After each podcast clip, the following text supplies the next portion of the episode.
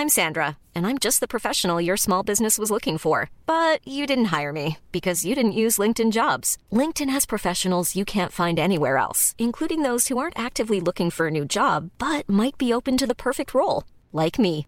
In a given month, over 70% of LinkedIn users don't visit other leading job sites. So if you're not looking on LinkedIn, you'll miss out on great candidates like Sandra. Start hiring professionals like a professional. Post your free job on linkedin.com/people today. Everyone knows therapy is great for solving problems, but getting therapy has its own problems too, like finding the right therapist, fitting into their schedule, and of course, the cost. Well, BetterHelp can solve those problems. It's totally online and built around your schedule. It's surprisingly affordable too. Connect with a credentialed therapist by phone, video, or online chat, all from the comfort of your home. Visit betterhelp.com to learn more and save 10% on your first month. That's BetterHelp, H E L P.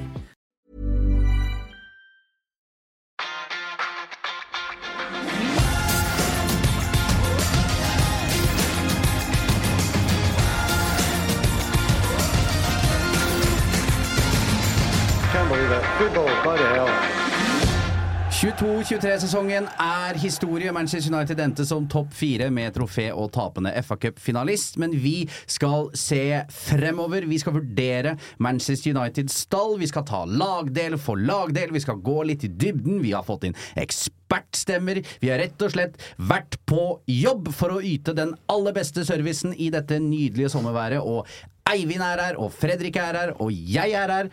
Og nå skal vi ta for oss eh, Manchester Uniteds eh, tropp, Eivind.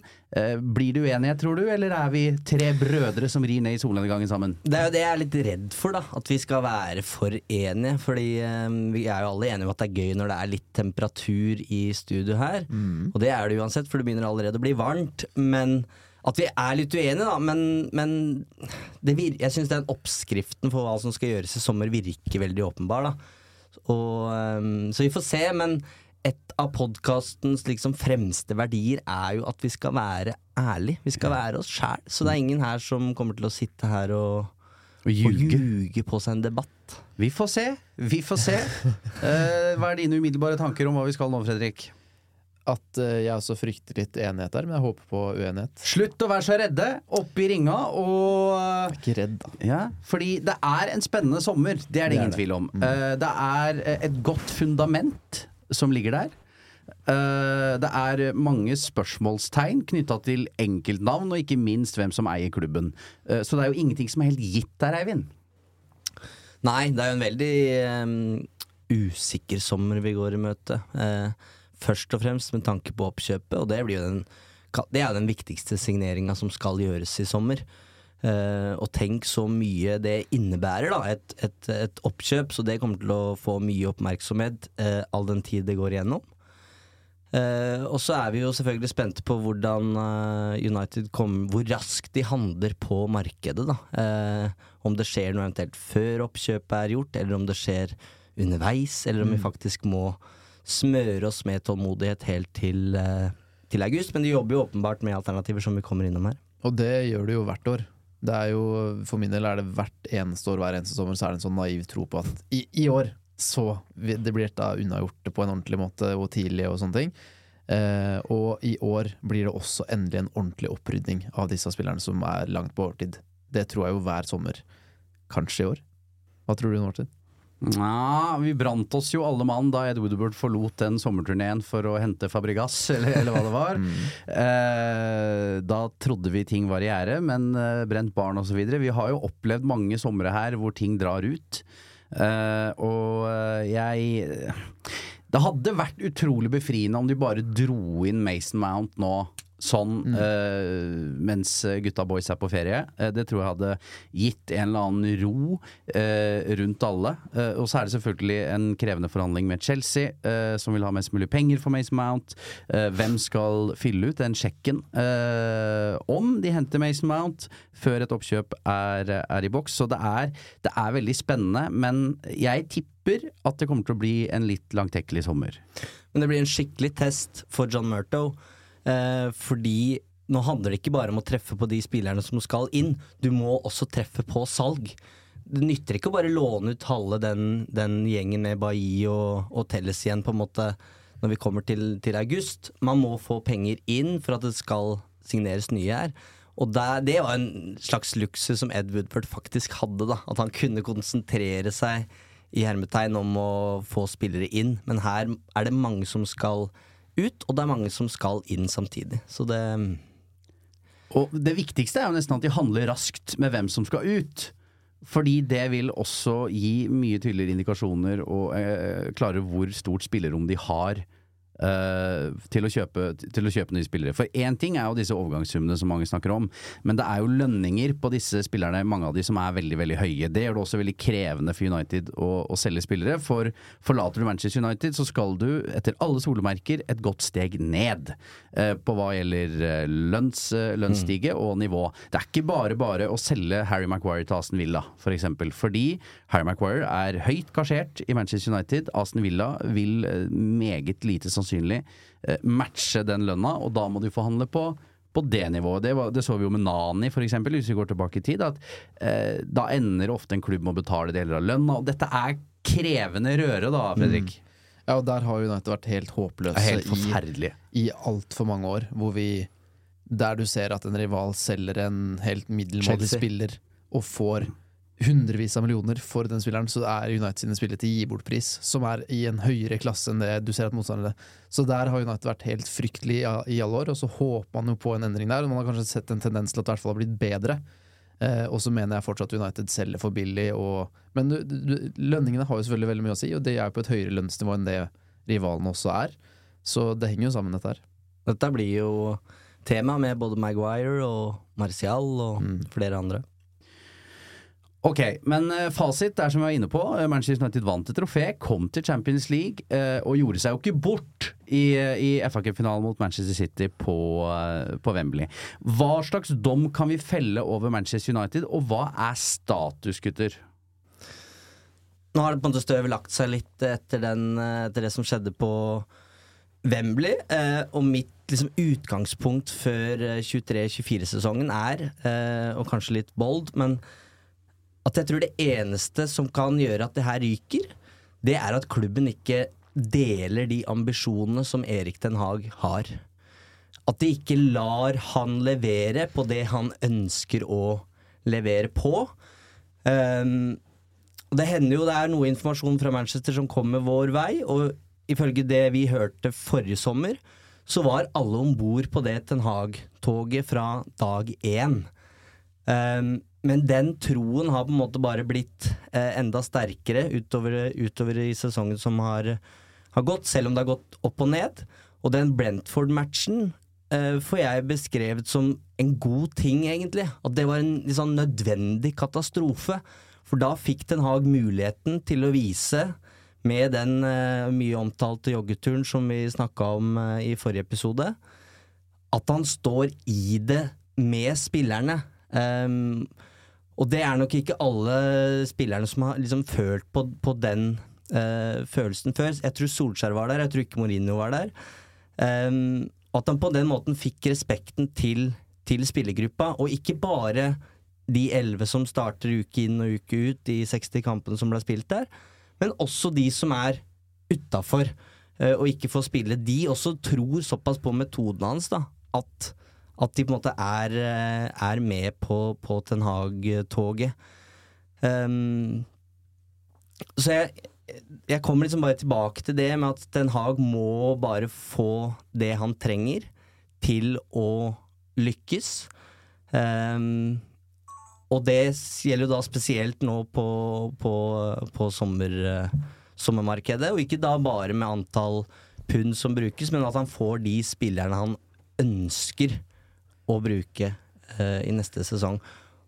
Og det gule flagget her er en setning, eller kanskje et rødt flagg til og med, som han har brukt nå flere ganger de, de siste ukene i pressekonferansene. Patience is not my strength. Og der ligger det Det ligger mer i det, tror jeg, eh, enn kanskje mange velger eller håper og ønsker å, å tolke det som. Fordi han er utålmodig.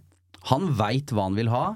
Og så tror jeg han er oppriktig i tvil om han får det, Fredrik. Mm, Jeg tror han tviler, og det med god grunn. Han har, en, han har nok sett hva som har skjedd med forgjengerne sine òg, at de har blitt lova mer enn det de har fått. Og kanskje han begynner å kjenne seg igjen i nettopp det. At han eh, fikk nok etter hvert det han ble lovet i, i forrige vindu. Eller ikke i forrige vindu, men forrige sommervindu. Det må understrekes, fordi han fikk jo ikke det han ville ha i januar. Eh, men eh, han merker nok at det er noe Han må jobbe hardere for å få det han vil ha, og det han trenger. Og det som også da blir et spørsmål, er jo hva skal Uniteds målsetting for neste sesong være? Fordi nå er vi på det stedet vi håpa å være. Eh, Men neste steg er at man skal ta opp kampen med Manchester City om å vinne Premier League. Er det i det hele tatt realistisk at det skal skje, selv om han nå får det han vil ha denne sommeren her? Er det realistisk at det skal, skje på så kort tid? Jeg vet ikke, men hva skjer om de er like langt unna som de var i år? Eh, Så det er mange spenningsmomenter og mye spenning knytta til her, da, for min del. Og det vi vet, er at Chelsea kommer til å bli bedre. Liverpool kommer til å bli bedre. Newcastle kommer til å forsterke. Eh, Manchester City Ikke Tottenham. De blir ikke bedre. Nei, Tottenham eh, får holde på, tenker jeg. Og så får vi eh, se etter hvert hva, hva de har å komme til bordet med. Eh, det er konkurrenter her i hvert fall da, som kommer til å mene alvor på overgangsmarkedet. Det vil sannsynligvis Arsenal også, som, som måtte ha fått ferten av et eller annet her. Så det kan jo bli eh, fatalt og katastrofalt å ikke være med på det toget. Mm. Og for de som tror at Erik Den Haag reiser rett fra Wembley til Maldivene eller Spania eller hvor hollendere mm, ferierer det, det kan godt hende han drar på ferie, men han er allerede på jobb dagen derpå da, for å ta de her samtalene med Harry Maguire, med Donny van de Beek, med alle de spillerne her som har en, en framtid som må diskuteres. Jeg vet ikke hva du har hørt, eh, Fredrik, men han ut ifra det jeg hører og forstår, så er han ekstremt god på eh, kommunikasjon med spillerne. Du skal ikke undervurdere de der videokonferansene og hva det betyr for fotballspillere. Ja, de tjener haugevis av millioner, og de har millioner av følgere på Instagram osv., men den der personlige relasjonen til manageren er ekstremt viktig, da. De er jo mennesker. Så han legger ned nå en kjempejobb i juni. Dette gjorde han forrige sommer også. eh, For å, for å skape en gjeng, for å kommunisere med spillerne sine og skape trygghet. Og hvis han da ikke får noe igjen da i andre halvdel av sommeren her, i form av nye spillere som han ønsker, så tror jeg det blir en sånn utrivelig inngang til, til neste sommer. Men jeg tror status akkurat nå i Manchester er at det er en veldig trygghet rundt Ten Hag fordi han skaper trygghet, da, enn så lenge. En annen ting her er jo de man ønsker å kjøpe og få inn, men en helt annen ting er jo det, det å videreutvikle de man allerede har. Og har jeg også full tillit til at Ten Hag kun så vidt har begynt på den jobben. Da. Så vi snakker om at rivalene kommer til å bli sterkere, men det kommer United også til å bli. Det føler jeg meg veldig trygg på. Ten Hag skal ha medarbeidersamtaler med sine menn. Vi skal også ha en samtale. Vi skal ringe vår veldig gode venn Andy Mitten. Okay, uh, we're going to the greatest signing ever made by this uh, very supporters club, uh, made by me in Kansas in 2010 uh, during a cup of coffee, uh, and he's still in the building. Uh, we're, we're having you, Andy, on board. Nice to see you here.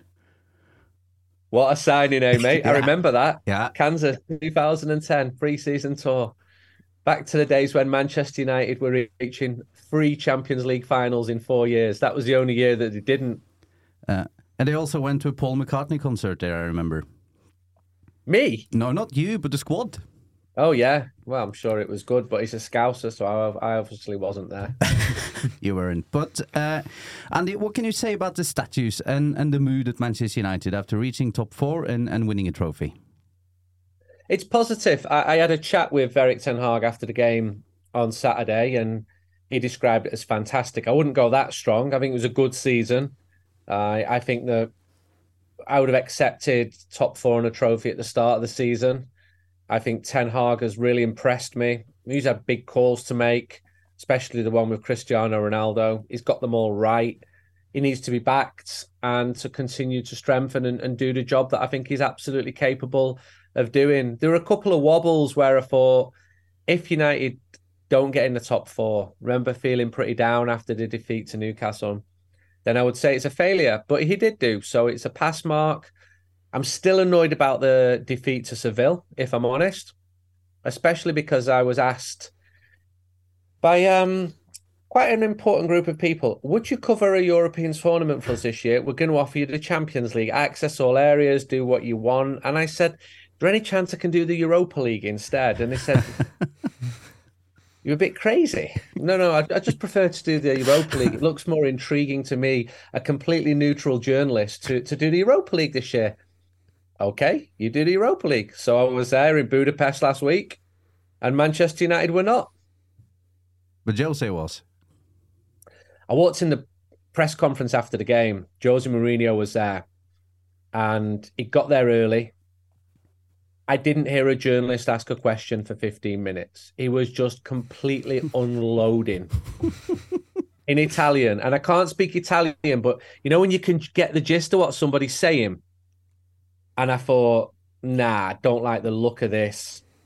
And 10 minutes after he went down to the car park and had a real go at the referee, who's much bigger than Jose Mourinho, by the way. And Anthony Taylor's from Wythenshawe, one of the toughest part of Manchester. He would not be scared of Jose Mourinho in the slightest. Um, yeah, Roma did what Roma do, and uh, Seville did what they do, and won the Europa League again. If Manchester United get drawn against Sevilla next year in any European competition, I I'm just going to petition for that game to be postponed. but talking Can't about see a way past them. Yeah, but talking about manager's mood, uh, you talked a bit a bit before uh, with Eric Ten Hag being a bit frustrated. Um, how difficult is it to be the manager of Manchester United at the moment with all the question marks around the takeover? I think it's always difficult because you have millions of people who think they know more than you do, and uh, and advise you what to do. And I remember a, a surgeon saying to me years ago, it would be like someone coming into my operating theatre who knows nothing about medicals and saying, just just hold on there a second. You might want to just go a bit, you know, go to the left there with that knife. And but football does this to people. We all have our opinions. It's what makes it great. We all think we we we know best. And Eric Ten Hag has got to rise above all of that, all of that, and do what he thinks best. So a year ago, nobody was mentioning Casemiro, Lisandro Martinez, Antony, Christian Eriksen. Nobody. There are all these names that Man United fans fancied. It's exactly the same now. But the point of your question is he needs to be backed. He's been told he'll be backed, but you've got the spectra of the takeover in the background. So the Glazers are same business as usual, but it's not business as usual because we don't know who's going to own Manchester United in one month, two months, three months' time. But is there any money there? It's a really good question because people just assume, oh, it's the summer we're going to spend 150 million. I was told in January that United had had warnings from about FFP, along with several other clubs. You spent too much money. The debts have been well publicised. And I remember writing in January, United need money. And this is one of the reasons the Glazers have gone to market. This model they've got is no longer sustainable. Of course, it helps getting into the Champions League. Ticket sales are stronger than they've ever been, ever. And I think there is money, but I think United have to sell. And I'm talking about players like Scott McTominay, maybe Harry Maguire, players who are going to get you tens of millions because world class number nines do not come cheaply. I think it was a bit of a shock to some United fans. Yeah, we're Man United. We spend 200 million a year. I mean, he spent 200 million last summer. It's a huge amount. And that is why in January, United couldn't uh, spend any fees on a on another striker. And people were saying he needed to be backed in January. Well, of course I get that, but come on. United spent 200 million last summer. That's a huge amount of money. It was more than anyone. Apart from Chelsea, of course, but they're a joke. Uh, but regarding the takeover, is there any news? Is there any movement? Depends who you ask. There was a good piece in the Financial Times on Saturday, which was well sourced. You have the two main parties have signed non-disclosure agreements. So they're not allowed to talk officially, but of course they they can inform journalists. Um, both parties have got PR firms based in London working for them and they have to be true to the NDA. If they're not, so I, as I understand it, the Glazers have been annoyed that uh, the Qatar side have been briefing too negatively against them. Uh, Thomas Ziliakis, he um, he really annoyed them because he came out you know, heavily criticizing them. I mean, come on, Glazers, you're going to get criticized for what you've done. So I think I, I think it will happen sooner rather than later. But I could have said that at two or three points in the last two or three months. And my understanding is, well, I know for a fact that Ineos are confident. If you ask Manchester United fans, they're completely divided on this. It depends who you ask. So on the Scandinavian Supporters Club, for example, behind a paywall, or the Athletic behind a paywall, United We Stand behind a paywall, all in favour of Jim Ratcliffe. If I do a post on Twitter now, it would be heavily Qatar. So depends which group of fans you ask. And among the match going support, oof, really hard one to to to answer. You know, in the past you've been able to say everyone's against the Glazers taking over. You can't really say that now. Pe- people are genuinely um, divided on, on what they want next. Uh, but finally, Andy, uh, if Eric Ten Hag, uh, if the money's there, uh, in a perfect world, uh, what does he want? Well, the Mason Mount stuff is is true, and I've written a piece for the Scandinavian Supporters Club about this. This depends on Chelsea now. So my understanding is the player wants to join United. Personal terms are not an issue at all. Chelsea are not in the habit of selling their best players to their main rivals, so that's a complication. A, slight similarity with Frenkie de Jong last year. Fees agreed between the clubs, but the player didn't want to want to leave. So you need all these parts to get to get the deal done. United's absolute priority is a number nine. Everybody knows that. Ten Hag told me that in December. It was clear to see after Cristiano went. But who are the world class number nines? Do Norway have any? Are there any Norwegians who are good up front? Not really. None. None. No, no, I didn't. Um, Odegaard, he's the most high profile Norwegian player. Isn't he? Definitely. the Danish lad at Atalanta, um, Frankfurt, number nine. These are the type of players who Manchester United are looking at, uh, but they're going to command huge fees. So it's going to be a tricky summer for Manchester United. There is money there. What happened last summer? I spoke to the people doing the negotiating. Some of them have changed for this year. Around this time last year, and I said, "What's happening?" Because Twitter was going crazy. Why are we not signing people? And he said, Andy, this is like a nightclub opening and it's nine o'clock at night and we've got until two o'clock in the morning. We're not rushing into anything.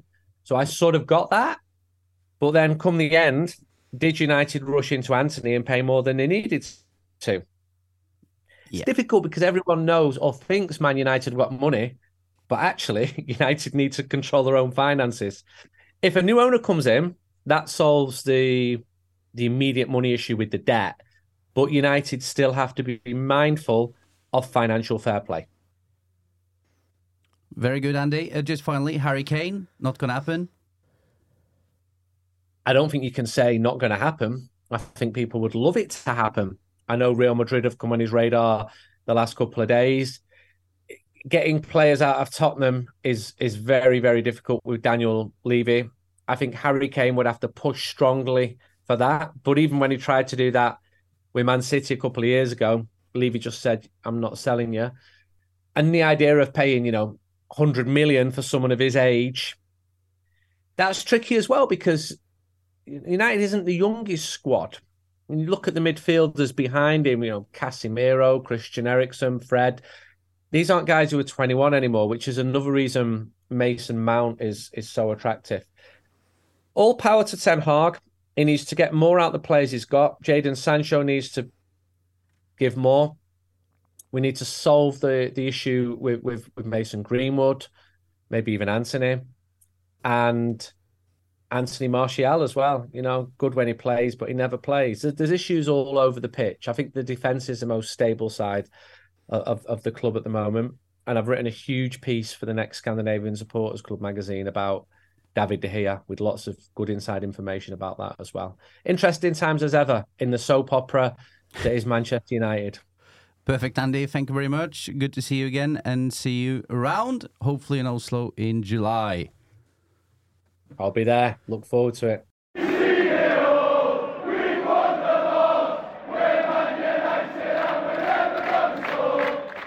Yes, Vi skal ta lagdel for lagdel, og da er det vel naturlig å begynne bakerst. Det er logisk, og det er det vi eh, gjør. Og her er det eh, en del å snakke om, fordi eh, Jack Butland han har left the building etter å ha vært på utlån. Eh, Tom Heaton, han blir vel? Blir jo fort det, gjør Ja, det? han må nesten det. Fordi Dean Han Henderson har vel bare kontrakt nå til sommeren. Ja, jeg tipper han får et år til, jeg. Eh, for hvis ikke så blir det store huller bak her. Fordi mm. Dean Henderson eh, snakkes det en del om nå, om det blir en permanent overgang til Nottingham Forest. Eh, og så er det David Hea, da. Eh, ny kontrakt eh, snakkes det om. Her, her er det mye å, å ta tak i. Og det jeg syns er vanskelig med dette her, er at ja, jeg mener at Manchester United trenger en ny keeper. Det mener jeg.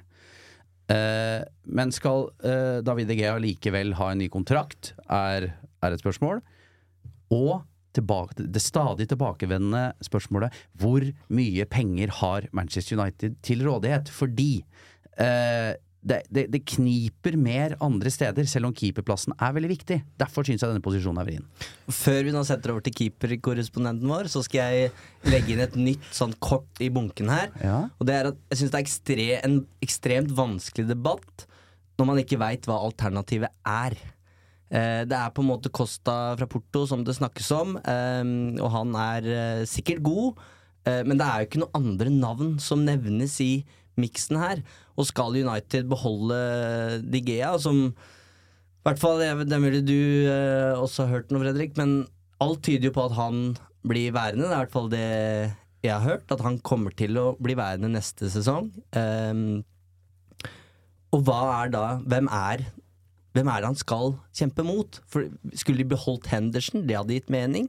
Eh, og skulle de, skulle de henta en ny talentfull 20-åring til 30-40 mil, det hadde gitt mening. Men å hente en ny, kall det keeper på øverste hylle, som skal konkurrere med DGA, det er en veldig dyr duo. Absolutt. Um, Så nå gleder jeg meg til å få høre fasit. Fasiten, ja, ja. nei, fasiten har Kom jeg ikke. Eh, men eh, vi kan, kan vi kaste inn han Matej Kovar i regnestykket her, med tanke på Han har vel vunnet eh, ligaen i Tsjekkia nå, Mm. eh, og fremstår som en spennende keeper som potensielt kan være med å konkurrere i en sånn, i hvert fall en treerbande, da. Men eh, hvis jeg Hvis jeg hadde med hvis jeg hadde visst at United hadde nok penger til å erstatte DGA, så hadde jeg ikke vært i tvil om at det var noe de skulle gjort. Men det er ikke der de kan begynne, selvfølgelig. Det, men eh, at jeg også er sånn at selv om jeg ikke har sett Diogo Costa i noe annet enn i eh, VM for Portugal, og der ble jeg ikke overbevist eh, Rapportene på den er veldig gode fra de som har sett den. Men synes- Nadag eh, så han jo en toppkamp mot Benfica og sa det er alt jeg ønsker meg i en keeper. Enkelt og greit. Og det sier litt at jeg på en måte er villig til å bare stole på hva andre folk sier her. Det sier litt om hvor lei jeg kanskje er av David Egea da, og mangelen hans. Eh, Så jeg er veldig, veldig gira på at vi får en ny keep- ny keeper, og jeg tror at den dagen Egea blir erstatta som førstekeeper i buret, så tror jeg veldig mange kommer til å innse at wow, var det dette vi mangla? At det vil være en åpenbaring for veldig mange, fordi all ære til Egea for hvor god han er på streken og alt han har utretta, alt han har fått til der. Men manglene hans er for meg så åpenbare og så mange. Det er kun én ting han faktisk er god på, og de tingene han ikke er god på, de er han direkte svake på. Så eh, ikke plukker han baller i feltet, ikke sviper han, med mindre han husker på det i ny og ne etter at han har blitt fortalt eh, av Ten Hage, åpenbart. Og eh, ikke Tar han straffespark, med Nei. unntak av Ja, men han, han gjør Og ikke nå redder han jo heller ikke heller alt Nei, som han gjorde før. Og jeg, min tanke er jo litt sånn at han får dårlig selvtillit av de tinga som han gjør dårlig, som du ramser opp der, Mm. og det går utover Det han eh, også er veldig god på. Nettopp. Ja. Mm. Men la oss spole tilbake til uh, første seriekamp i år, Brighton hjemme. Hvor jeg uh, satt på tribunen sammen med deg, Eivind, og min oppgave på jobb den dagen var å følge Ten Hag i 19 minutter. Og det gjorde jeg, og jeg la merke til allerede i første seriekamp hvor ofte han var uenig og hoderystende til at De Gea slo langt når spillerne bak i banen ville ha ballen og inviterte til det. Blant annet når de jakta utligning seint i kampen, så kommer Luke Shaw ned for å hente. De Gea kelker den langt, og får den rett i fleisen. og Ten Hag står bare og rister på hodet med armene i kors. Og det jeg tror dette også er noe som har slitt på og irritert Ten Hag, at selv om De Gea har tatt steg og skal ha honnør for det, for det har han jo gjort, men jeg mener likevel at det ikke er godt nok. Vi er på ingen måte der vi ønsker å være, og for meg ble det veldig synlig når City setter inn sin andre keeper, og han bare er med i spillet på den måten han er. og De Gea med en treffprosent på 44, vel, som keeper. Det er jo helt skandale. For veldig interessant når Ten Hag får spørsmål på, på Wembley etter match. Eh, et av de første spørsmåla på pressekonferansen er De Gea. Eh, han bare eh, avfeier det fullstendig. Nå er fokus eh, den finalen her. Og så kommer spørsmålet opp igjen mot slutten, og da tror jeg han svarer mer hva skal jeg si, eh, brennbart enn det han egentlig hadde planlagt å gjøre. Fordi da sier han litt sånn Ja, la meg si det sånn. Eh, at vi kan ikke eh, Eller vi har områder som vi må forbedre for at vi skal kunne vinne titler og nå måla våre. Og det var jo et svar på et Digea-spørsmål. Så der erkjenner han jo på en måte, syns jeg, at det er, er et problemområde, selv om han har sagt noe annet hele sesongen og tatt Digea i forsvar, egentlig. Men syns dere jeg er for streng? Nei, nei, overhodet ikke. Og det er eh, Hvis du ser på, på Liverpool da, eller City med, med keeperskikkelsene de har, så, så er det jo nesten som å ha en ekstra utspiller, ikke sant? Eh, og det er så viktig i igangsetting, i måten Ten Hag ønsker å spille fotball på. Eh, så jeg tror du har rett, Fredrik, at det kan plutselig være en slags åpenbaring hvis du ser en annen mann stå bak der som, som faktisk er en direkte bidragsyter til Uniteds offensive spill. da Har vi gått glipp av alt dette i alle disse Ja. årene? Uh, og uh, vi har vært innom det i tidligere episoder også, at dette her er ikke noe verna bedrift, selv om det tidvis uh, oppleves sånn eh, i, i, i klubbdrift osv. Uh, David Igea Gea er og bør være ferdig. Eh, men eh, igjen, vi vet ikke med disse summene. Eh, vi skal, Andy var, var innom det også, det med financial fair play. Det er ikke bare å kaste ut 500 millioner pund i sommer, samme om det er Qatar eller hvem som kommer inn, og gjøre akkurat hva du ønsker deg. Det funker ikke sånn. Og så er det jo en forskjell på Digea, Digeas mangler blir jo ekstra synlige fordi Ten Hag er så ekstremt opptatt av at sånn sk fotball skal vi spille.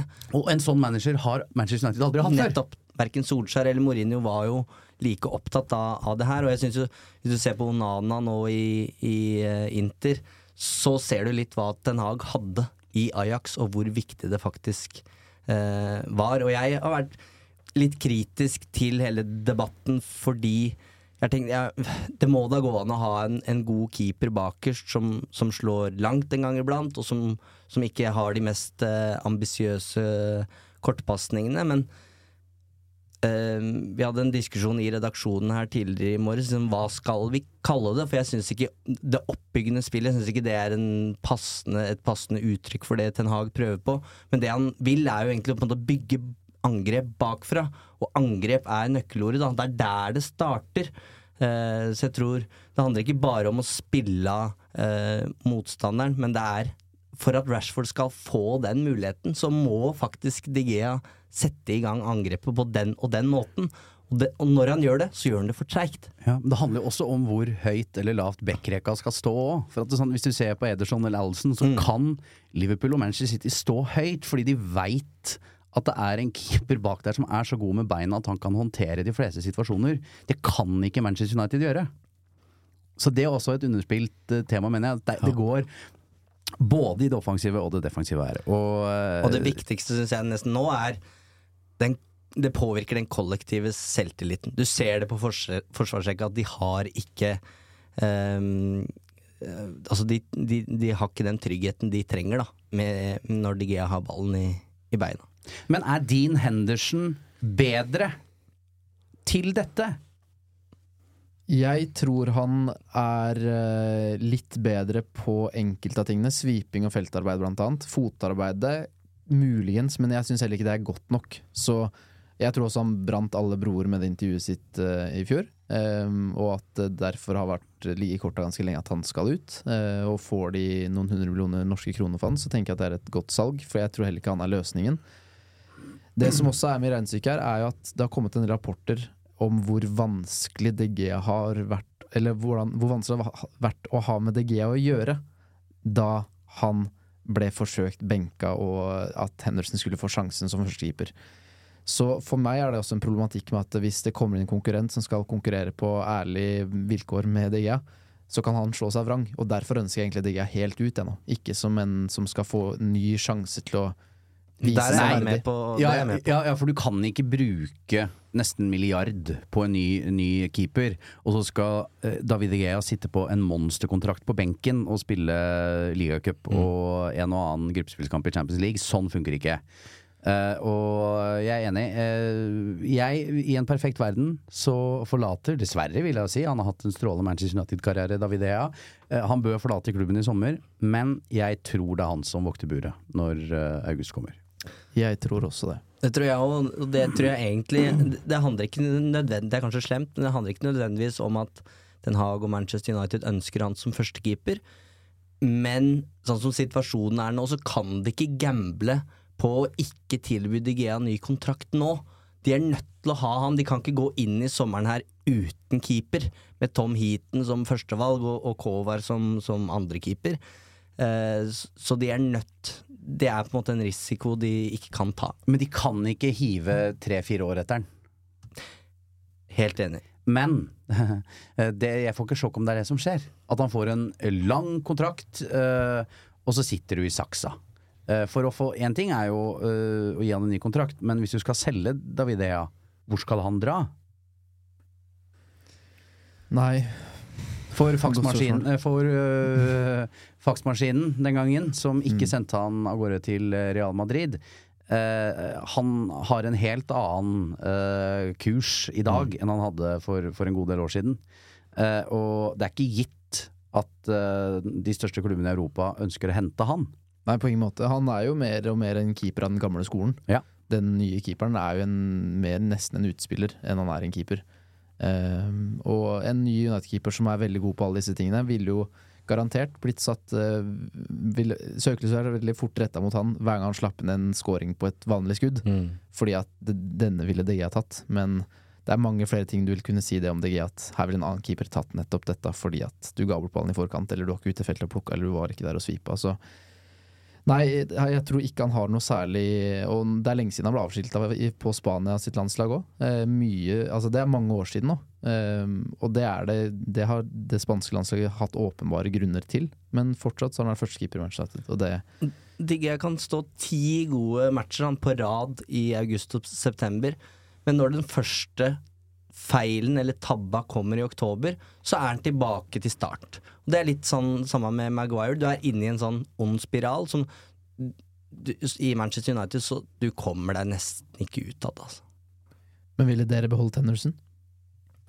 Jeg syns det er en spennende tanke. Da. Jeg, apropos det med risiko, så ville det vært veldig lav risiko å hente han tilbake fra Nottingham og, og kjøre de som, som duo. Jeg syns det var interessant å spørre Herrera om Digea. Jeg, jeg var ikke overraska over at han tar uh, kameraten i forsvar, men det er ikke så mange som kjenner han bedre, som, som jeg har snakka med, i hvert fall. Og det han snakker om, det er at han, Digea reiser seg alltid. Um, og det er, et, det er et godt argument, men det hjelper jo på en måte ikke når du faller og faller og faller gang på gang på gang. Um, men jeg syns det er interessant det du sier, Fredrik, at hvis, hvis det er Hvis Digea takla det dårlig eh, og blir benka til fordel for, for Henderson, så, så er det et argument for ikke å gjøre det. Og, og hvis Henderson har snakka seg ut av klubben, så, så er det jo ikke noe, noe debatt i det hele tatt. Og så er det gode penger å få for Henderson, da, som også er Mm. viktig her. på en måte For, for Ja, faktisk I motsetning til De Gea, Ja. så er det jo Mm. øh, mulig å krone inn eller cashe inn noe her. Det fremstår som et veldig sånn logisk salg fordi det er gode penger å hente. For min del kunne vi gjerne sitte rolig i båten og testa det prosjektet der før vi gjorde noe annet, men her tror jeg det at United trenger penger for å investere i andre lagdeler som er enda viktigere, faktisk. Så, så syns jeg det fremstår logisk. Eh, en som eh, mener noe om uh, keepersituasjonen og litt generelt om Manchester United på overgangsmarkedet, det er ESPNs Mark Ogden, han har vi snakket med. So if I was Eric Ten Hag and we had to sort out Man United's pre-season or summer spending, it it's got a lot of big issues to address. You know, it's a lot of it is also dependent on what happens with the ownership. But let's work on the basis that the ownership issue isn't going to be resolved in time to affect the transfer spending and outgoings. I think I think the first thing he has to do is find a centre forward, as we know. I mean, that's going to be the most expensive outlay of the summer. I think Harry Kane, Victor Osimhen, these are players that are going to cost upwards of 80 million pounds, maybe more. I don't see beyond those two what what great options there are, but they definitely need a centre forward because they haven't got the attacking strength that they need. I mean, Marcus Rashford had a great three months of the season, but he blows hot and cold, and he blew cold in the FA Cup final. So I don't think you can rely on Marcus Rashford. You can't rely on any of the forwards.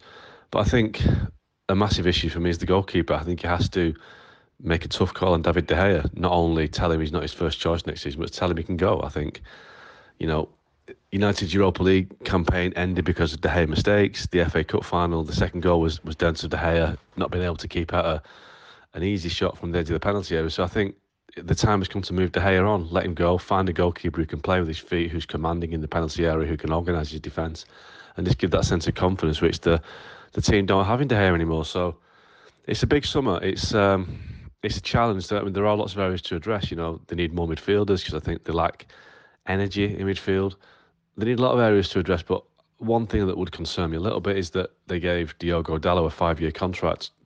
They didn't need to give him a five-year contract. They could have given him a two-year or three-year contract quite easily. But if they're giving Dallo a five-year deal, if they're going to extend or renew David De Gea's contract, it, it tells me that United taking the easy option rather than the tough option. And if you take the easy option, you end up not really going anywhere. So Ten Hag maybe has to change that mentality, but I understand obviously with this situation with the ownership, it's difficult. He has to work within the constraints that the Glazers impose. So it's a big summer for United because if they stand still, they will fall behind. And you know they finished third this season. They want to build on that, but they need to invest big time.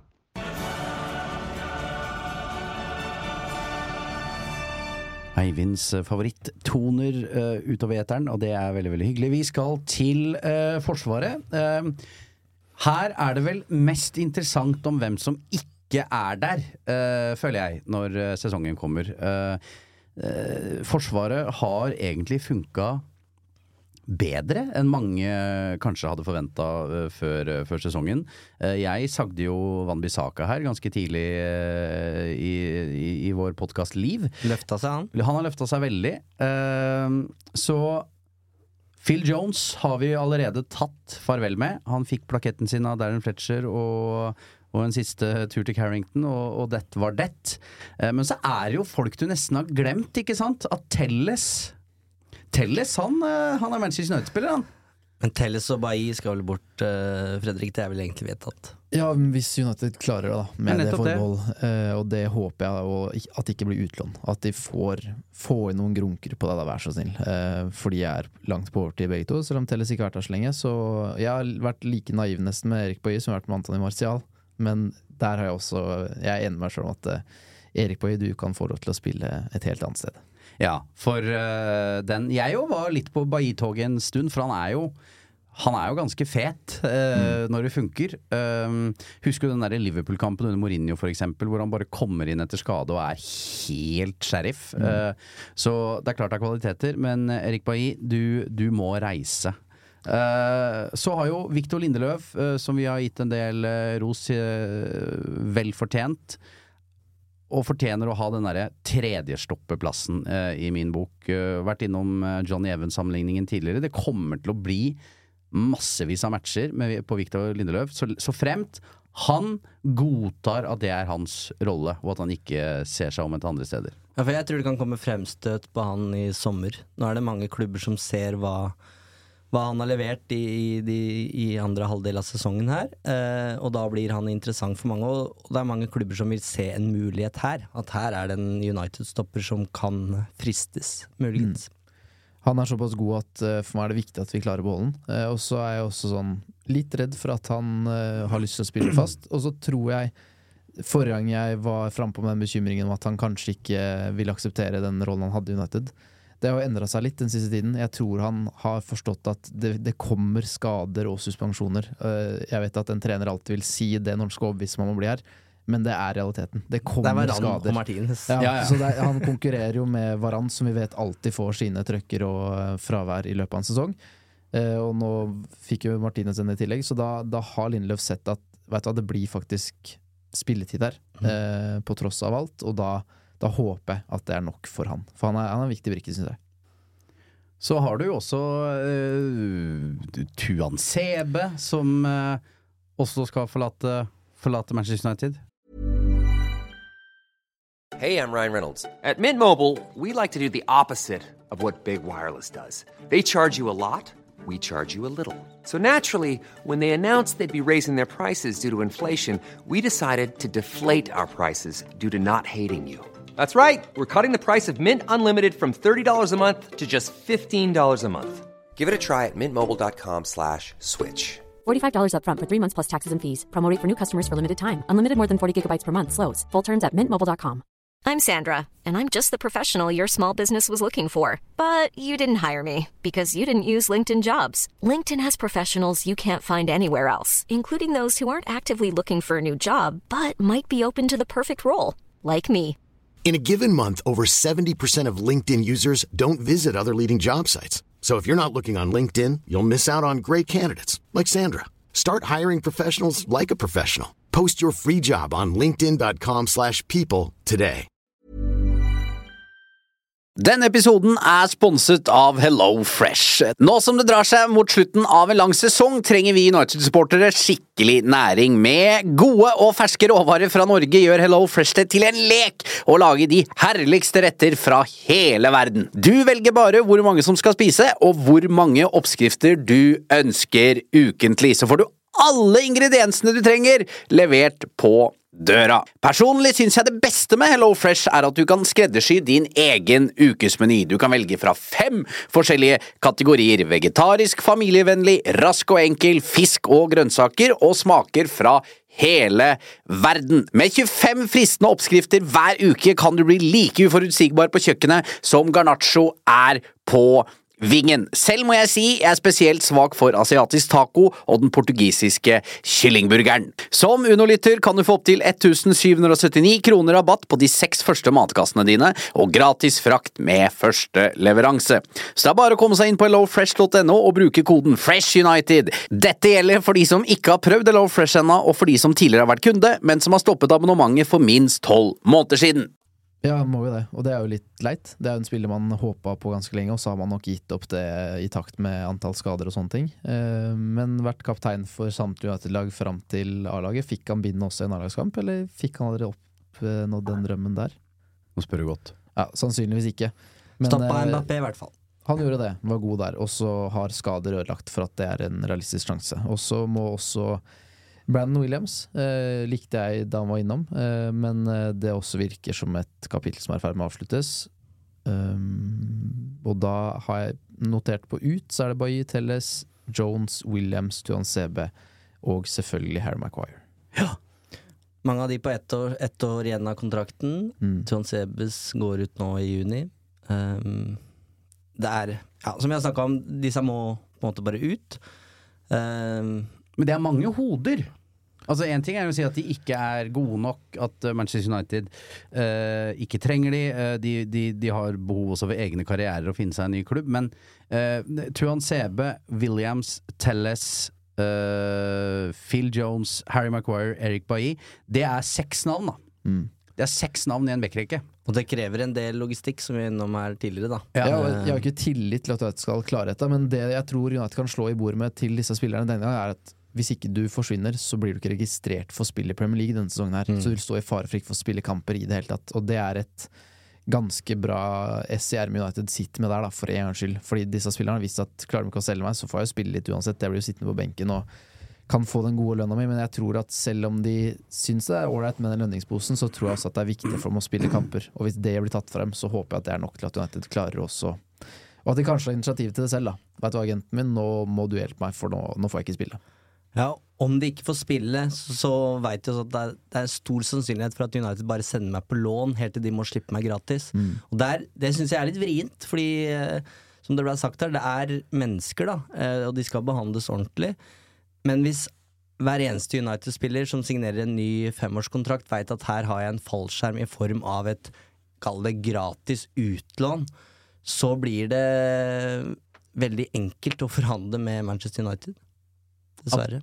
Og uh, hvis de tar alle disse øh, navnene her, da, så er det jo faktisk noen det er snakk om overgangssummer på også. Altså, vi, vi har vært innom det at United trenger de pengene for å øke sin egen transferpott.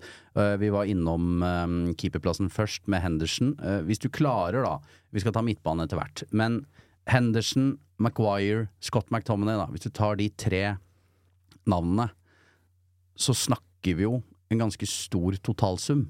Mm. Som nesten er en ny spiss. Det er vel 30-40 for Henderson. Du ender jo eh, sånn, i hvert fall opp med 100 millioner pund da, til å handle for, hvis du selger de tre. Ja. Vil jeg tro. Ja. Pluss minus eh, noen prosent. Og trekke fra en del lønn fra Maguire også. Mm. Så, eh, så det er interessant. Uh, og, men, men er det Trenger Manchester United forsterkninger i backrekka? Kim Min-ye, Mm. ja. Eh, Altså, usikker. Or nei? Kim Min-ye eh, er jo egentlig det første navnet som jeg oppfatta som her Her kan det være noe konkret, Fredrik? Ja, og det jeg stusser over, er at det foreløpig kun skrives om i Italia. Og er det noe Aldri jeg ikke stoler på, nei. så er det italienske ja, ja, medier. er noe Portugisisk er verre, faktisk. Ja, men, men det, det er, der er Portugal og Italia en helt egen klasse med det å linke Spirit United som det i 999 av 1000 tilfeller ikke ender opp med å være noe. Eh, Lindløv var liksom Jeg trodde aldri at det skulle skje heller, at det var bare sånn et rykte i Portugal som ikke sto noe annet sted. Eh, men han har jo vunnet ligaen med Napoli, det skrives veldig mye bra om han. Han får veldig gode skussmål fra de som har trent den. Jeg kan ikke huske å ha sett den spille sjøl, så her er jeg feil mann til å spørre. Men med tanke på alderen til Varan, eh, og at United trenger å erstatte Varan på et eller annet tidspunkt eh, Hvis han er tilgjengelig og har den utkjøpsklausulen han angivelig har, eh, som varer i en kort periode i løpet av overgangsvinduet, så tenker jeg at hvis han er bra nok, så stoler jeg på at United gjør det hvis de mener det trengs. Får ikke svart noe bedre på den, egentlig. Jeg liker jo tankegangen om dobbel dekning i, eh, på hver eneste posisjon, som eh, Herrera også uh, snakka om som uh, framtidig sportsdirektør. Og da har jeg prioritert rekkefølge. Martinez, Varan, Lindeløv. Shaw, skråstrek, ny stopper. Ja. Men den nye stopperen vil jo sannsynligvis havne høyere opp på lista, da. Men, eh, men Shaw er jo et, et, eh, en god backup på stopperplass, har det vist seg. Og kjøper uh, Manchester United, ja, han vi er gjennom nå for eksempel, så er det ikke gitt at det er Varan heller, som er øh, Som er uh, makkeren til Martinez uh, når vi kommer til august. Kan det at Luke Shaw er såpass god som backup på stopplass, gjøre at det kanskje er liv laga for Brann Williams likevel? Som en type backup på en av bekkene? Ja, dette er jo igjen øh, tilbake til hvor mye penger får Erik Den Haag til å kjøpe fotballspillere til? For, du, for det er jo som hvis du skal pusse opp. Altså Du må jo prioritere uh, hva tar du først. Eh, er det bad eller kjøkken? Uh, og det er jo litt der vi står nå. Eh, og så tror jeg det er veldig veldig viktig, vi skal jo også selvfølgelig snakke om spissplassen etterpå, at United ikke går i en sånn Frenkie de Jong-felle eh, den sommeren her. At uh, hvis de får nå skjønner tidlig at vet du hva, Harry Kane, det går ikke. Ja vel, la det være. Gå på nestemann. Så sånn at du ikke uh, Fordi de, det, det er såpass mange steder det brenner litt. At de er avhengig av å ha litt tempo i det de holder på med. Eh, sånn at de ikke står og stanger i veggen med Harry Kane frem til august, og så må du plutselig begynne å kjøpe en spiss fordi det ikke går. Og da har du ikke kjøpt verken det ene eller det andre, og da blir det krevende. Helt enig. Jeg har en sånn Academy Watch. Ja. Og ikke ta det her nå som at eh, vi skal spille inn eh, måtte, hvert eneste talent i U18-troppen inn på førstelaget, for det kommer ikke til å skje. Men der vi får mange spørsmål om det i innboksen vår. Hvem er det neste gjennombrudd osv. Så, videre, så vi kan sy inn det her. Og du snakka om venstrebekken eh, og, og Williams Jeg vet hvor du skal. Jeg ja, hvor du skal. vi skal til Spania, vi skal til Madrid. Alvaro Fernandez, signert fra Real Madrid for noen år siden. Vært kanskje den mest stabile akademispilleren siden han kom. Uh, bare levert fra dag én på, på venstrebekken der. Uh, vært i Preston den sesongen her. Uh, Kåra til årets unge spiller der, uten at jeg aner hvor stor, tøff konkurranse det var der. Men i hvert fall en veldig offensiv uh, back som definitivt vil kunne bidra i, eh, i, i eh, det oppbyggende spillet, som jeg ikke liker å kalle det, da, til, til Ten Hag.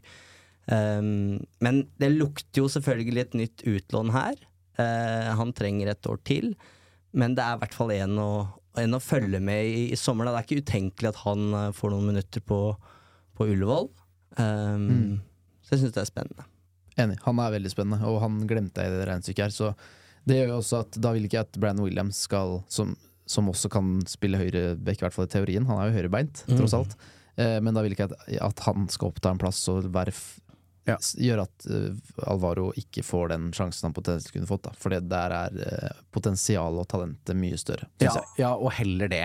Altså, uh, heller det enn å ha Brandon Williams. Altså, du, ve- du veit jo at det ikke kommer til å bli noe, liksom. Altså, du, ærlig talt. Nei, det er en placeholder. Ja, sånn Tyler Blackett-opplegg. Sorry, altså. Men eh, Nei, vet du hva jeg er fysen på nå? Litt midtbane. I just love United. Interessant posisjon. Det er en del gubber i, i denne troppen. Altså fotballgubber. Folk som eh, er eh, rundt 30 pluss. Eh, du har eh, Bruno Eriksen. eh, Fred er jo ikke heller den yngste lenger. Eh, Casemiro er det snakket mye om. Hvor, mange, hvor mye saft er det igjen i disse beina? Sabitzer blir ikke med videre. Det tror jeg er en, en god avgjørelse av Erik Ten Haag. Derfor make Mason Mount mer og mer og mer og mer sens for meg, da. Uh, med, med alder, eh, med energi, med løpskraft, Uh, og eh, jeg bare håper intenst at dette skjer. Jeg syns vi dekka Mount godt uh, forrige gang. Um, men i min prioriterte liste her så har jeg Casemiro som nummer én, og da eventuelt Mount som nummer to. Mm. Jeg eh, ser på midtbanen vår at det er ikke for mange spillere der å bygge laget rundt eh, når det gjelder fremtiden her. Det, hvis Donny og Sabitzer forsvinner, så står vi igjen med Bruno, Casemiro, Eriksen, Fred og McTomney, hvis jeg har telt riktig. Og det er vel ganske store spørsmålstegn bak navnet til Fred og McTomney. Og da står vi igjen med Bruno, Casemiro og Eriksen. Og Eriksen mener jeg også absolutt skal fases ut av en elver til neste sesong. Eh, og da begynner det å bli ganske tynt. Da Da har vi én defensiv og én offensiv midtbanespiller igjen, som jeg mener skal spille fast. Så her må det jo gjøres noe. Ja, og ikke bare at de skal spille fast, altså de er eh, spillere eh, i en alder der du ikke skal spille 60 matcher, kanskje. Mm, altså du er mm, helt avhengig av dekning for at dette skal funke. Det har du sett med Christian Eriksen, at eh, jo lenger og lenger vi har kommet ut i denne sesongen her ja, Hadde jo selvfølgelig skadeavbrekket sitt, men dette begynner å bli tøft for Christian Eriksen. Jeg hyller den signeringa, da. Så, Ja, som ja, ja. alle andre. Og, og vi trodde han skulle være en joker, og han blei en, en veldig viktig brikke. Um, men det var også en veldig enkel signering for, eh, for John Murtow å gjøre. Å få Christian Eriksen til Old Trafford på, på free transfer. Så de kjøpte seg på en måte bare et år. Uh, og vi kan ikke gå inn i enda en sesong der midtbanen er et, et problem for Manchester United. Uh, jeg håper virkelig ikke at de betaler 70 millioner pund for, for Mason Mount, som er det Chelsea står hardt på, visstnok. Mm. Eh, Det vil være galskap å betale den summen for en spiller med ett år igjen av kontrakten, men han er en nødvendig signering. Ja, for så jeg sånn- håper de sånn- strekker seg, men at de likevel ikke møter Chelsea sitt krav, da. For det er jo det, samtidig så, så må de levere det Ten Hag vil ha. Mm. Det er klart øh, Når ikke Ten Hag får de Jong til å klar- ikke klarer å overbevise han om å komme, så er det ok, fair enough. Uh, han vil ikke, liksom. Uh, men Mason Mount vil, eh, og da nå er det opp til Manchester United å levere på det. Mm. Eriksen kommer jo Jeg mener at han, han kan garantert spille en rolle også neste sesong og ha sine bidrag, og at han kanskje er nede nå, nå virker han sliten, men tempoet hans er et problem uavhengig av hvilken form han er i, og så går det kanskje noen prosent saktere når han er i dårlig form i tillegg. Må jo gi deg litt honnør da, Fredrik. Du, du sa det før finalen at du var skeptisk til Eriksen på den midtbanen mot City, eh, og du meldte før avspark at eh, nå får vi en anonym kamp fra dansken, og så er det ut etter 58 minutter, var det det du sa? Jeg tror jeg sa 55 etter å ha løpt mellom i 55, så Ja. det tror jeg sa. Han gikk Ja. ut til 61. Spåmannen. Spåmannen. Blind høne, er det ikke det? Ja, jeg pleier å si det. Eh, men spør, du, vi er innom Fred da og Scott McTominay. Eh, Fred har jo uh, egentlig vært med på å skape litt usikkerhet om sin egen fremtid selv. Eh, og Og Marco Silva. ja, ikke minst at de ja, og var i Langa har også skrevet et eller annet på Instagram som kan tolkes uh, Er det et farvel fra svensken, eller at han takker Fred eh, av? Ikke godt å si. Begge skal bort. Ja. Eh, og igjen, Elanga er det også mulig å få noen grunker eh, for, bare så, det, bare så det er sagt. Eh, men det er klart, du kan ikke selge både Fred og Scott McTominay eh, uten å Uten å finne noe Ha klare alternativer, for det holder jo ikke bare å få inn Mount og så kvitter du deg med McTominay og, øh, og Fred. Helt enig, og denne syns jeg er litt vrien. Og um, for å ta den korte versjonen først, så tror jeg at jeg da egentlig ønsker å sitte igjen med McTominay, egentlig. Fordi at han er den han er, og han er i den alderen han er i. Men argumentene Men mot å Bare for å pirke litt, hva, Ja. den han er, hva mener du? United-gutten Ja, okay. som uh, har alderen på sin side når Så det ikke som fotballspilleren, men som United-produktet? Nei, nei, ja, rett og slett. Han Mm. er uh, avla opp i klubben vår, og er den yngste midtbanespilleren vi har. Lojal. Ja, rett og slett. Og da eh, Men det som gjør at jeg også blir uenig med meg selv her, med at vi skal sitte med Excomen, er at det er han vi får mest penger for, og at jeg mener at X-faktoren Fred har, det å kunne komme inn til spesielle kamper og ha en spesiell rolle, et frimerke på De Bruyne eksempel, gjør at den, eh, den evnen har ikke McTominay i like stor grad. Og da heller jeg mer mot at Fred kler dette United, eh, en sånn rollespiller som Fred. Men jeg syns det er synlig og veldig tydelig at Erik Nag ikke stoler på Fred. Og derfor syns jeg også fremstår veldig logisk at han forsvinner. Så derfor syns jeg den er vrien å klare å forutse og spå hva som skjer. For den ene kan du få mye penger for, og den andre stoles ikke på. Men begge har en type rolle å spille i United, tror jeg, da. Ja, men da må, vi, skal da, må da må vi ta et valg, da. Eh, Nå må vi velge her. Hvem blir værende? Fred eller Scott McTominay? Jeg sier Fred. Fred blir. Hvis jeg skal liksom svare bare ut ifra magefølelse, så er det Fred, men jeg er enig vel, Jeg henger meg veldig på det Fredrik sier om at jeg tror Ten Hag ser på Fred som en sånn spesial, spesialist, som Mourinho eh, likte så godt. Altså, um, for det var en periode da sikkert både Eriksen og Casemiro var ute, og det var en sånn åpenbart eh, Fred-forma plass på midtballen, men han blei bare sittende på benken. Ehm, men jeg, jeg må Jeg føler min personlige mening er Jeg syns United skulle beholde Fred. Jeg tror uh, Tom Cleverley snakka jo om han i det intervjuet vårt, uh, og sier at han har et mye bedre rykte internt i fotballverden enn enn det som foregår på sosiale medier og tribunen. Jeg tror uh, Ten Hag er lei av Fred, jeg. Ehm, og så kan jeg ikke se for meg at de klarer å si nei til 30 millioner pund for McTominay heller. Så denne tror jeg er vrien også for United internt. Der kan det jo faktisk være at de altså, legger ut begge for salg, også mm. den de får mm. mest for, den, den forsvinner. Vi må ha en ny makker til Casemiro. Mm. Og da er man kanskje helt avhengig av å selge Scott McTominay. Og da mener jeg man må holde Fred. Men det er ikke sikkert det skjer, det heller. Det er ikke bare bare å være sportsdirektør, gutter. Det er ikke det. Eh, spørsmålet om vi skal se, hvilken posisjon vi skal sette han i, da. Men eh, Ahmad, eh, jeg tar den her, jeg. Eh, hatt en strålende sesong i, i Sunderland. Du er jo veldig veldig begeistra, Fredrik. Det Eh, snakkes nå om nytt utlån, eh, men da må vel det foregå i Premier League? Ja, Hvis han lånes ut på nytt nå, så må det være Premier League. Eh, eller en annen toppliga, men for min del aller helst Premier League, for det er det du blir Det vil alltid være et spørsmålstegn. Ja da, han presterte i den ligaen, men det er ikke Premier League. Så eh, for min del håper jeg at han får en fair sjanse til å imponere under preseason. Han fikk jo det i fjor òg, uten at han grep den sjansen. Og så har han vokst kolossalt i løpet av det utlånet i Sunderland og spilt i en veldig fysisk liga, hvor ankepunkt mot Amadiallo hele tiden har vært fysikken. Eh, og så har han bevist at han klarer å prestere i den type ligaen der.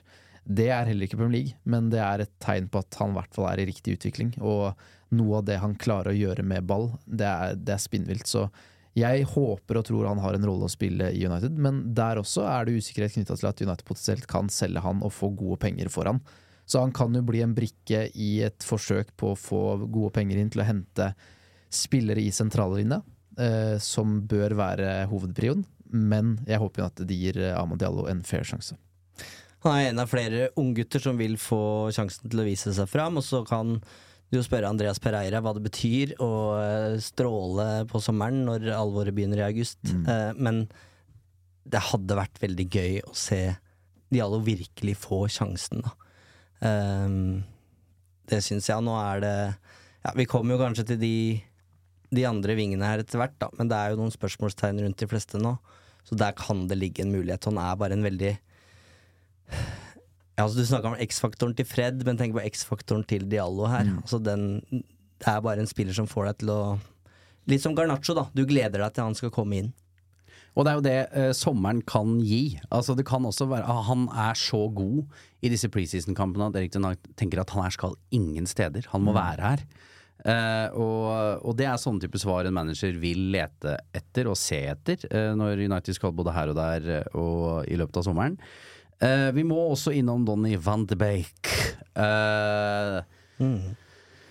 uh, Jeg merker at alltid når jeg ser han så blir jeg litt matt. Fordi at jeg kjenner at dette har, dette har jeg gitt opp. Jeg har gitt opp. Det han- føles tungt at vi skal begynne igjen. ja, jeg syns jeg synes det er slitsomt bare å snakke om han. Eh, fordi Ja, hva? Ja. Ja, men det er jo en mann som har fått eh, mange sjanser under tre forskjellige United-managere nå. Mm.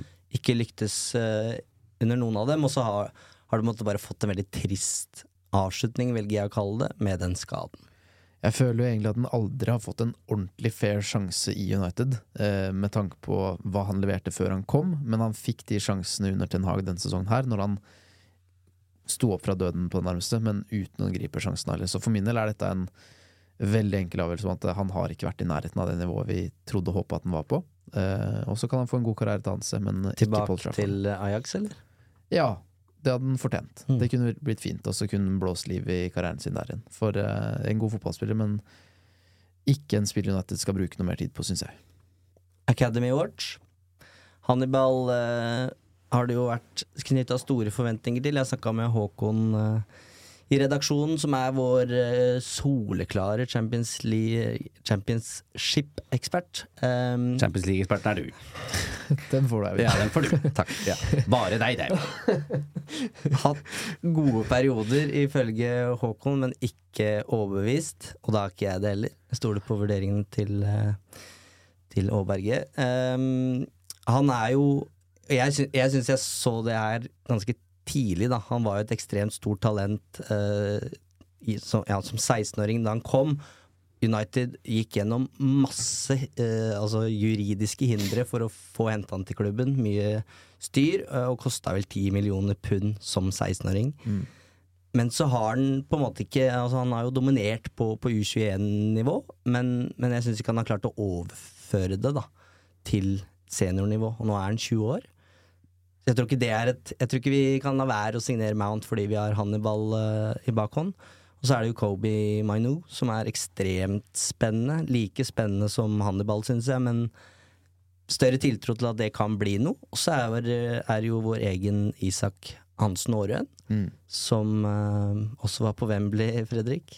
Ja, han fikk jo reise med førstelaget, var ikke med i troppen, men hadde imponert såpass på førstelagstrening at uh, de ville at han skulle være en del av treningsgruppa, som kunne være med å trene inn mot kamp, uh, og få veldig gode skussmål fra, fra det jeg prater med, om at uh, Isak gjør det veldig bra. Har vært ute med skade en periode nå, men rett tilbake fra skade og rett inn i førstelagstrening der.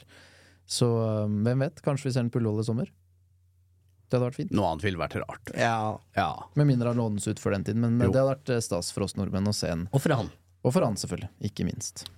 Ikke minst. Eh, Det, er, eh, det snakkes mest om hva som skal skje fremover på banen. Der Det hvem blir det? Hvor mye penger har vi til å hente noen der? Vi skal angrepsrekka. Erik Ten Hag. Ten Det er ikke noe, det er ikke noe dårlig sagt, det. Eh, Men vi skal til langrepstrekka. Eh, De som skal gi målpoeng, assist og skåringer.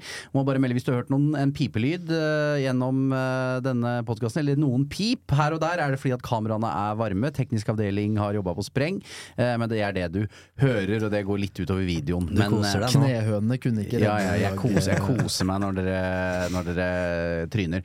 Og at det podkaststudioet dere har bygd, dere har brukt noe lim, det er i ferd med å nå liksom smelte, hvis det, hvis det er riktig ord. Så vi kommer til å få noen takplater i huet her i løpet av eh, innspillingen, men eh, so be it. Neste gang stiller jeg med hjelm.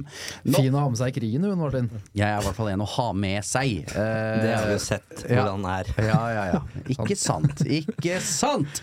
Nok om det. Nå er det alvor. Uh, Det er også her ganske mange usikkerheter, vil jeg si. Eh, Vegårst kan vi vel eh, Vinke farvel kjøre til. Guard of Honor og sende av gårde. Aktuell for Everton, si. Ja. Vær så god.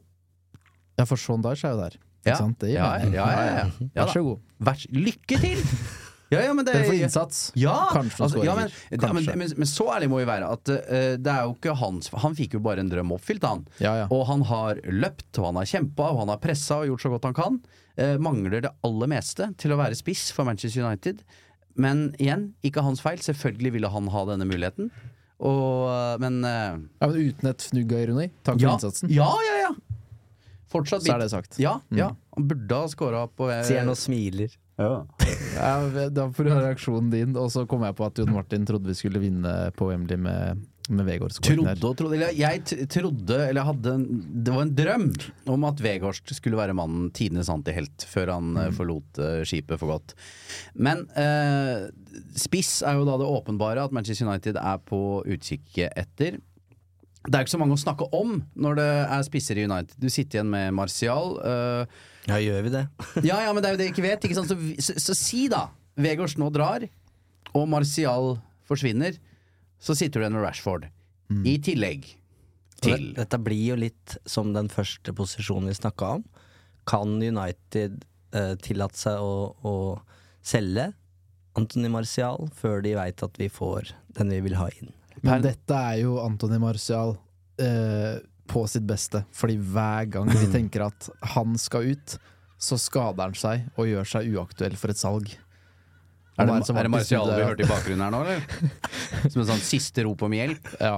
Så han er vel ute i åtte uker, han er han ikke det? Ja. Noe sånt.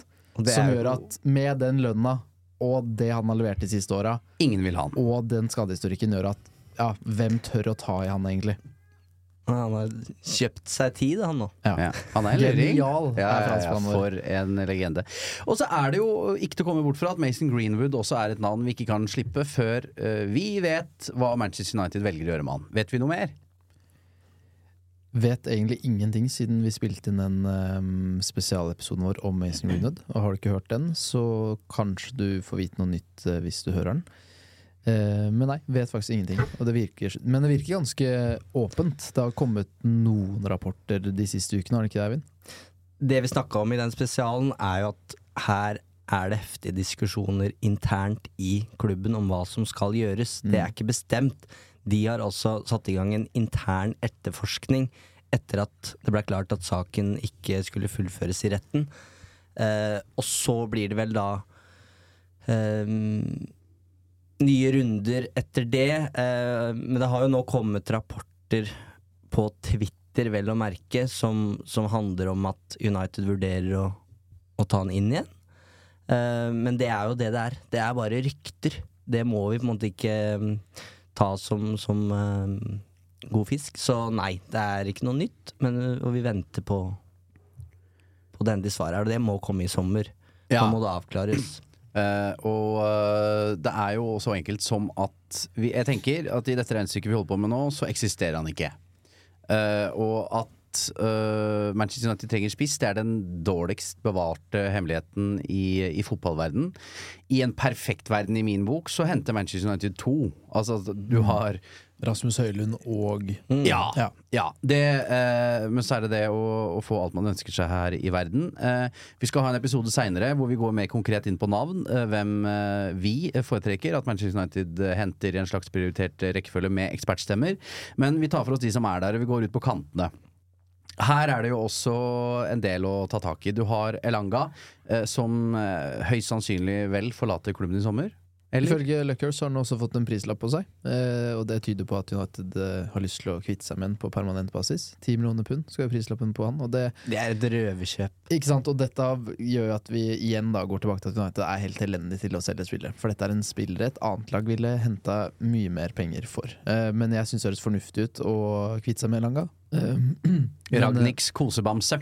Ja, og ha- da, var han jo, da bidro han jo eh, med det han kunne. Og så tror jeg han har mer på lager enn det han har vist United siste tiden. Men der er konkurransen for stor til at uavhengig av hvilken form han er i, så tror jeg at potensialet til de andre er såpass mye større og høyere at det fremstår fornuftig at Elanga også har en karriere et annet sted enn Paul Trafford. Bare sånn som en merknad i den Academy-watchen, da, for å dra den litt ned eh, sjøl.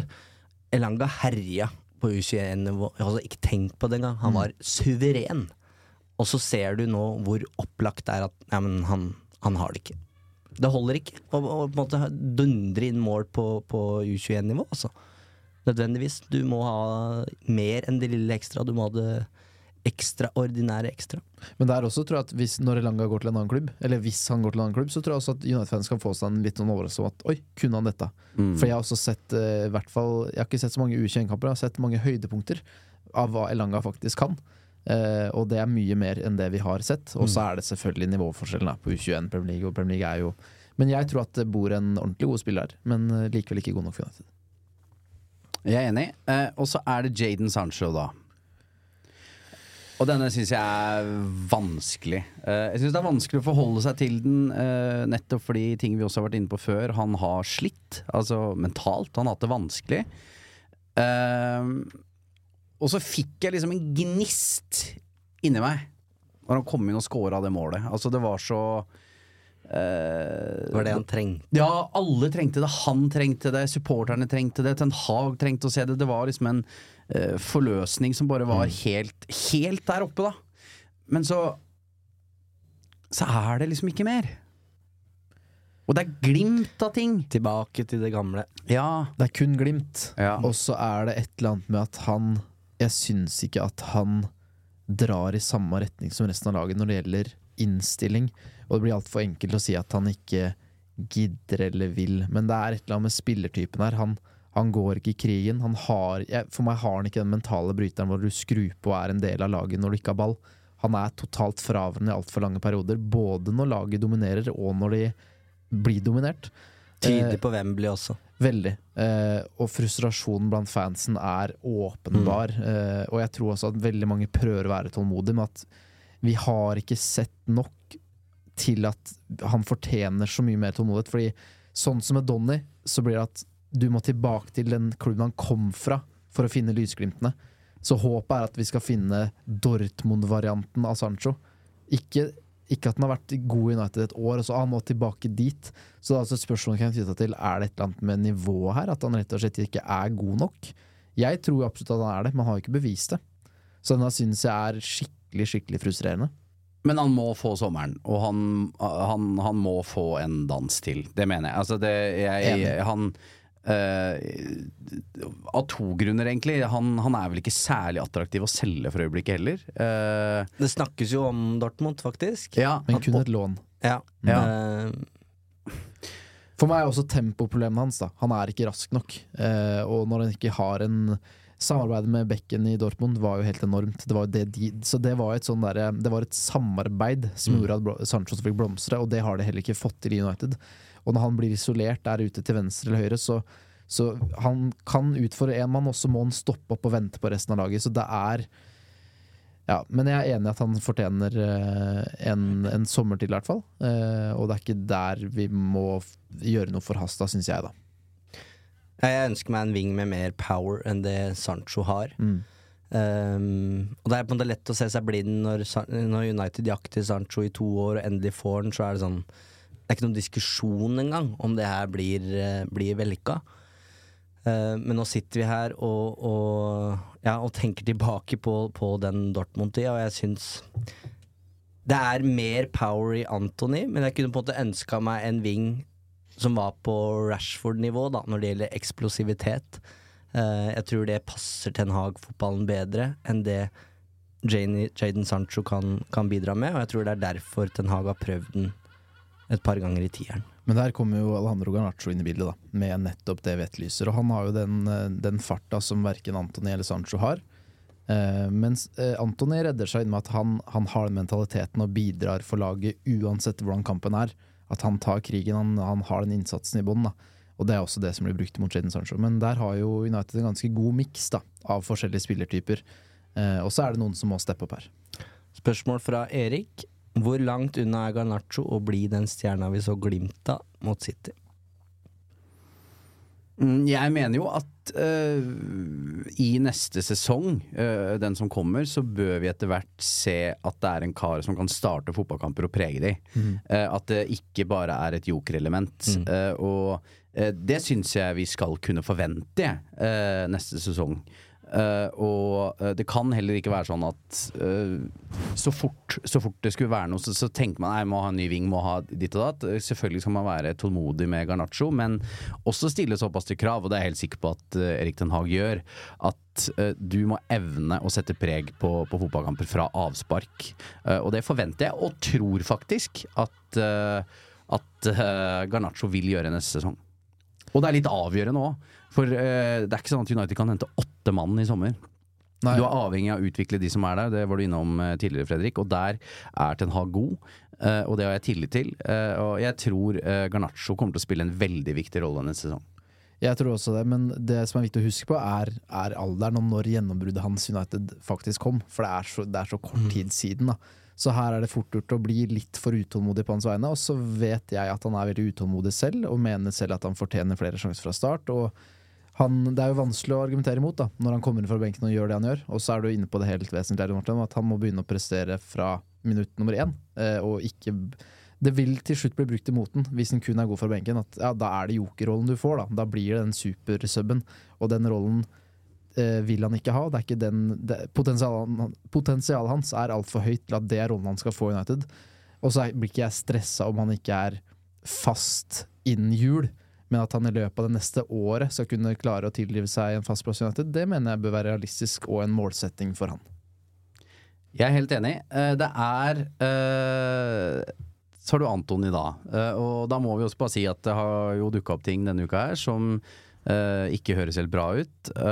Og det er jo vanskelig å si da, Fredrik, hva slags innvirkning det vil ha på hans karriere. Ja, Vi trenger ikke å sitte her og spekulere, men at det gjør at det kommer et spørsmålstegn bak hans navn. At det blir jo en eh, usikkerhet eh, rundt hva dette betyr, akkurat her vi sitter akkurat nå. Ehm, så får vi se om hva dette vil ha å si for fortsettelsen, rett og slett. Ja, det var akkurat det Manchester United Legal Team ønsket nå. En litt mer å jobbe med eh, inn mot eh, sommeren. Eh, United trenger en spiss, det vet vi. Det skal vi snakke mer om uh, seinere, men eh, Sjekk også ut spisspesialen, da. Der har vi jo treft relativt bra vil jeg si, med de kandidatene vi snakker om. Ja, og bryter dere på tampen her, hva gjør vi med Facundo Pelistri? Jeg liker jo han, vet du. Eh, Og han takler jo en sånn jokerrolle veldig godt, tror jeg. da. Ja, Det er jo snakk om kontraktsforlengelse her. Eh, så det er ikke utenkt at han skriver på ny langtidskontrakt og så blir lånt ut. Eh, det høres fornuftig ut, men jeg også liker han veldig godt. Og han har noe de andre ikke har. Eh, uredd, fin, eh, fin spillertype. Og bidrar jo litt med det som jeg savner i Sancho, da, med Unnskyld, energi. Mm. Så hvis, han, du trenger energi de siste 20 så det skjer noe, liksom. Ja, Ja, det er noe med kroppsspråk og sånne type ting. Men uh, Eivind, du har vært unik til nå i denne episoden. Er det noe Academy Watch her? Ja, du har jo etterlyst en Makeda Mm. i akademiet. Men det er ikke det, altså. Det er, det er, det er ikke det, dessverre. Garnaccio er jo en del av en um, en generasjon som vi valgte å kalle Class of 2020 på United.no, hadde jo en artikkelserie om den ekstremt talentfulle gjengen som, som kom opp sammen. Uh, Garnaccio, den åpenbare der. Elanga også på en måte en del av den. Eh, men Charlie McNeil har, har det jo vært snakka masse om. Eh, ung Manchester-fyr som eh, gikk til City, kom tilbake igjen og bare bøtta inn mål på bestilling. Men så er det det her med å ha det ekstraordinære ekstra, da. Og nå har han hatt et utlån i altså Han hadde en liten dupp i akademiet før han blei lånt ut til Newport i league 2. Så det er, lang, det er langt unna. Eh, Joe Huggill også vært veldig eh, store forventninger til. Trøbla en del med skader og vært nå i, i Altringham. Og du vet at når du snakker om Newport og Altringham, så, så Ja, du ja, det, er, det, er altså, for du- langt. ja, ja, det, er litt så- for langt opp til å komme inn mot uh, City og Liverpool da, liksom. Uh, men det er ett navn som vi har sett uh, in action, faktisk, på Carrington med egne øyne. Shay Lacey. 16 år. Var to år han, eh, Jon Martin, når du eh, sto i Moskva. Ikke si sånn, Eivind. For et talent. Ah, Wow. Altså, hallo! Og jeg, jeg, da har jeg sagt at vi ikke skal hva skal jeg si, forskuttere noe i, forskuttere noe i podkasten her, men, men det er Han er den store snakkisen akkurat nå, da, i United Academy. En ving som bare gjør ting du ikke vil tro, på en måte. Ja, Det er spinnvilt det han holder på med, og vi fikk se det med egne øyne på Carrington da vi var der, Eivind. Um, og han har nettopp også skrevet kontrakt med et stort agentselskap, så det er flere enn oss som har lagt merke til eh, han, Eivind.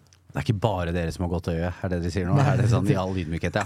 ja. Du tre- du trenger ikke godt øye for Var det å- sånn det hørtes ut? det, var, godt du la inn det, det du la inn det Fredrik, for, uh, for det begynte å bli bekymra her. Skulle ikke høre sånn ut. Nei. Hvis, hvis Neymar kommer til Old Trafford Jeg orker ikke! Neymar Ok, Fredrik.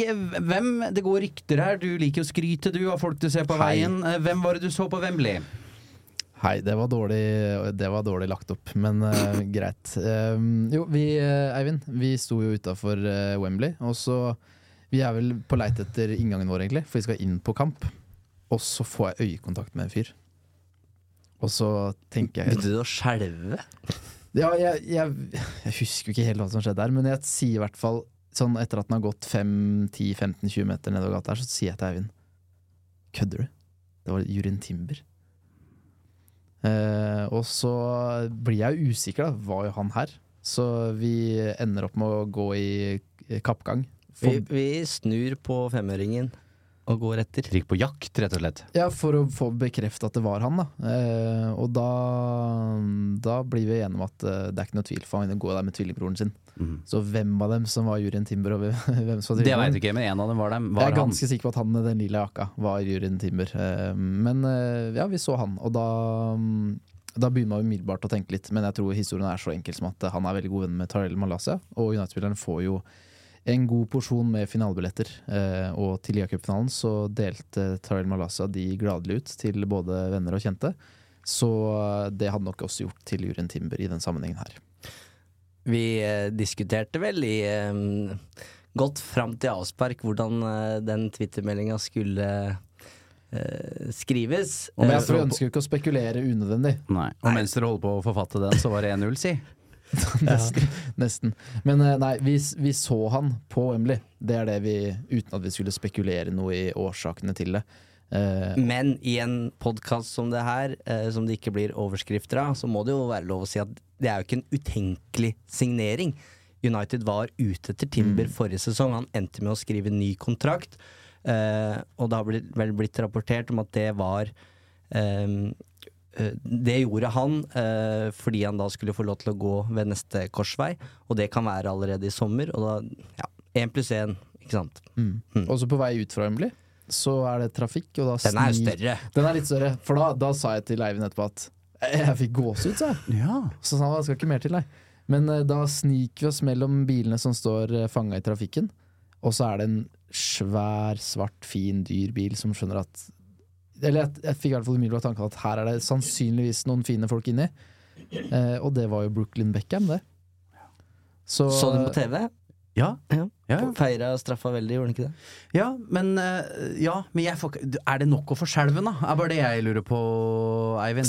Nei, hvis det faren hadde. Ja, det er det jeg mener. Men det var, det var- David sittet ja, der Men det var det jeg ikke visste. Så jeg, eh, vinduene var jo nede, Ja. og så var det tre voksne karer i bilen med Brooklyn.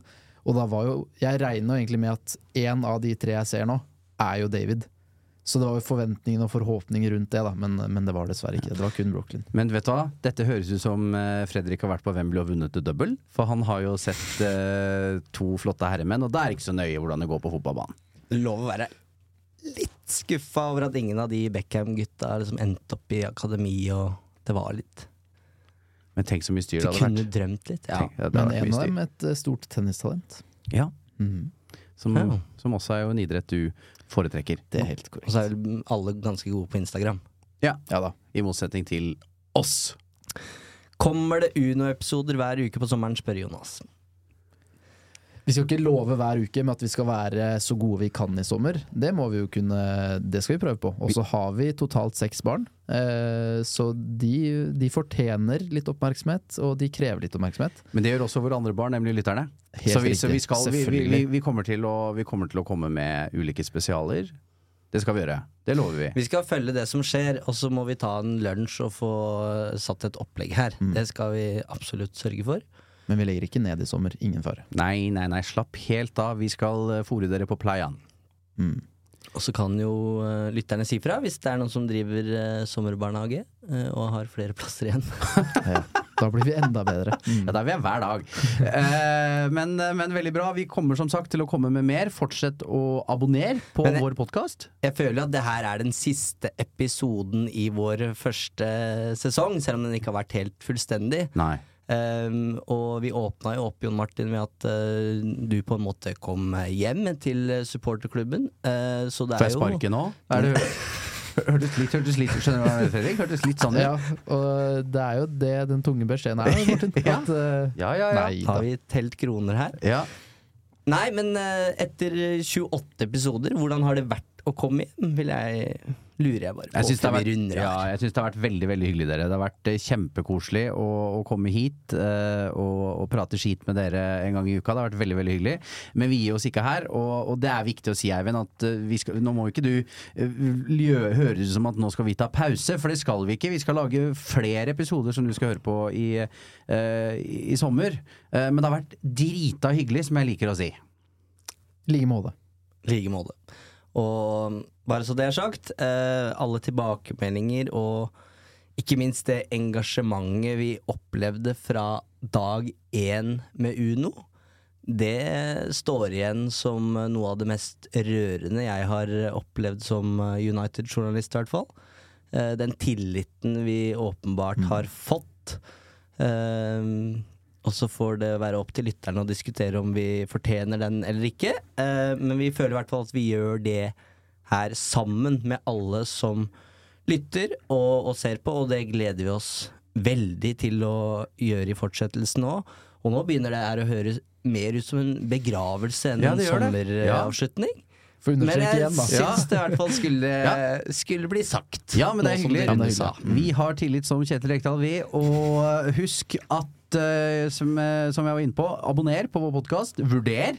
Eh, spre ordet, ikke minst. Det er jo kjempehyggelig. Hvis du ligger på stranda og hører på denne her, si det til naboen da vel, som ligger ved siden av deg som ikke kjenner. Så plutselig har vi en ny lytter, og så blir vi en enda større familie.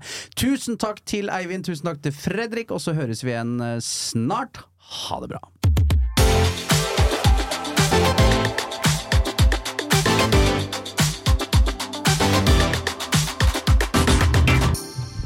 Og luft.